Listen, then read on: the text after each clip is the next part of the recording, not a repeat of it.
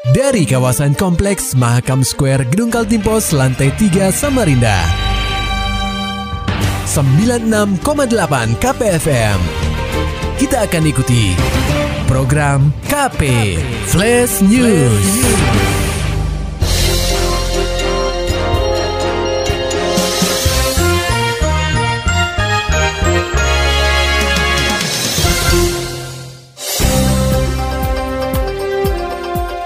Anda sedang menyimak program KP Flash News bersama saya Agung Pratama.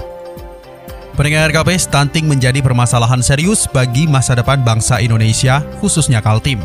Stunting bukan hanya sekedar permasalahan tinggi dan berat badan anak, melainkan berkaitan dengan perkembangan otak, sehingga dapat menghambat kemampuan kognitif dan kecerdasan pada anak. Melihat permasalahan itu, Wakil Gubernur Kaltim Hadi Mulyadi berharap adanya kesadaran masyarakat bahwa stunting itu sangat berbahaya bagi pertumbuhan anak. Walau saat ini angka prevalensi stunting Kaltim berada di bawah angka nasional, yakni 22,8 persen, namun angka tersebut masih cukup jauh dari target nasional di angka 12 persen pada tahun 2024 mendatang. Untuk mewujudkan itu, Hadi menerangkan ada beberapa sasaran yang menjadi prioritas untuk menekan angka stunting. Pertama adalah remaja perempuan dan wanita yang akan menikah. Kedua, adalah wanita hamil, dan ketiga yaitu ibu menyusui. Ketiga sasaran ini sangat rentan melahirkan anak yang beresiko stunting jika tidak memperhatikan asupan gizi yang seimbang dalam pola makannya. Oleh sebab itu, Hadi yang juga menjabat sebagai ketua tim percepatan penurunan stunting atau TPPS Kaltim ini menginginkan agar edukasi tentang asupan gizi yang seimbang terus dilakukan kepada kelompok masyarakat yang masuk dalam kategori beresiko stunting. Banyak ibu-ibu tidak tahu makan sembarangan, anak dikasih makanan sembarang, dia tidak memperhatikan pertumbuhan berat badan anak, lahir anak-anak stunting. Ingat stunting ini bukan soal ukuran berat tinggi badan saja. Stunting sangat berkaitan juga dengan pertumbuhan otak. Jadi harus menjadi kesadaran. Kamu tulis itu penting. Siap. Lebih lanjut, Hadi juga berpesan kepada masyarakat untuk terus menggelorakan program gerakan masyarakat hidup sehat atau GERMAS, serta menyokong kebutuhan gizi yang seimbang agar anak-anak bisa terhindar dari risiko stunting. Pendengar KP, belum maksimal, Kaltim incar potensi PAD dari alur Sungai Mahakam. Laporan selengkapnya akan disampaikan reporter KPFM Samarinda, Muhammad Nur Fajar. Sebagai salah satu sungai terpanjang di Kalimantan Timur atau Kaltim, Sungai Mahakam memiliki potensi yang sangat besar untuk meningkatkan perekonomian di bumi etam. Jika dilihat secara seksama, puluhan bahkan ratusan kapal pengangkut hasil alam di Kaltim selalu melintas di sungai sepanjang 920 km tersebut. Sayangnya potensi besar dari alur sungai Mahakam ini belum dapat dimaksimalkan oleh Kaltim.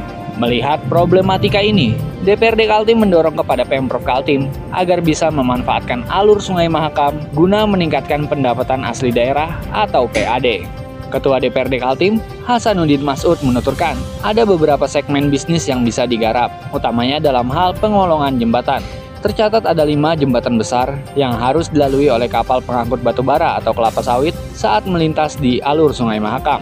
Peluang bisnis ini seharusnya bisa dimanfaatkan oleh pemerintah dengan melibatkan perusda di bumi etam untuk terlibat. Semisal dalam hal layanan pengolongan jembatan menggunakan kapal pandu atau kapal tunda. Ternyata banyak aset daerah yang digunakan ya tapi tidak menghasilkan apa pun buat PAD kita. Contohnya jembatan. Ada lima jembatan yang dilalui ponton-ponton batu bara atau kelapa-kelapa sawit ya kan yang mengangkut hasil komoditas dari dari Kaltim. Tapi dari pelaksanaan itu ada aset yang digunakan menghasilkan misalnya pemanduan, penundaan dan apa namanya banyak. Nah itu kan ratusan miliar per bulan kita hitung ternyata dari semua kegiatan itu tidak menghasilkan PAD itu sudah dikelola oleh oleh lembaga-lembaga seperti lainnya seperti Pelindo, BUMD, BUMN kan. Nah, kenapa uh, eh, BUMD tidak dilibatkan? Padahal itu aset daerah. Nah, ini yang kita perjuangkan. Menindaklanjuti peluang bisnis ini, Hasanuddin Masud berjanji akan terus memperjuangkan hal ini guna meningkatkan PAD Kaltim. Bahkan dalam waktu dekat, ia akan berkomunikasi dengan Pemprov Kaltim untuk berbicara mengenai peluang bisnis di alur Sungai Mahakam. KPFM Samarinda, Muhammad Nur Fajar melaporkan. Pendengar KP, DPRD Provinsi Kaltim resmi mengesahkan rancangan peraturan daerah atau Raperda Pemajuan Kebudayaan Provinsi Kaltim menjadi peraturan daerah Hal itu berdasarkan keputusan dalam rapat paripurna ke-51 yang berlangsung pada Rabu 23 November 2022. Rapat paripurna tersebut dipimpin langsung oleh Ketua DPRD Kaltim Hasanuddin Masud. Kepada awak media, politisi Partai Golkar Kaltim itu mengatakan, Pemprov Kaltim dapat menindaklanjuti perda itu dengan membentuk peraturan gubernur. Pria yang akrab disapa Hasan itu menjelaskan, aturan yang tercantum dalam perda ini bertujuan untuk menjaga kelestarian budaya di Kaltim. Ini kita menginginkan pemerintah serta provinsi Pak Gubernur untuk menerbitkan perbuknya. Karena kebiasaan kan sudah hampir lewat satu tahun belum dibuatkan. Maksudnya tiga bulan setelah lahirnya Perda itu perbuknya lahir. Itu aja sebetulnya. Sementara itu, Ketua Pansus Perda Pemajuan Kebudayaan DPRD Kaltim Sarkowi Fizahri berharap ke depan, Pemprov Kaltim dapat mengalokasikan anggaran kebudayaan sendiri di luar dari 20% anggaran pendidikan dan melakukan kajian untuk memisahkan struktur perangkat daerah tepatnya Dinas Kebudayaan, menjadi organisasi perangkat daerah atau OPD tersendiri. Berita selanjutnya datang dari dunia olahraga pendengar KP, tim basket Samarinda yakin raih medali emas di Porprov Kaltim 2022. Laporan selengkapnya disampaikan reporter KPFM Samarinda, Maulani Alamin. Tim basket Samarinda menargetkan juara umum dalam Pekan Olahraga Provinsi atau Porprov Kaltim 2022. Ketua Pengcap Persatuan Bola Basket Seluruh Indonesia atau Perbasi Samarinda, Nur Zaid mengatakan, persiapan atlet sudah maksimal menjelang Porprov. Nur Zaid melanjutkan, pebasket Samarinda akan diturunkan di semua nomor tanding, yakni 5 kali 5 putra putri dan 3 kali 3 putra putri. Menurut Nur Zaid, tim Balikpapan dan tuan rumah Berau bakal jadi pesaing berat skuad Samarinda. Uh, insya Allah persiapan kita cukup ya. Uh, walaupun secara umum kita tidak melakukan TC namun kalau berbicara masalah basket ini bicara masalah gengsi.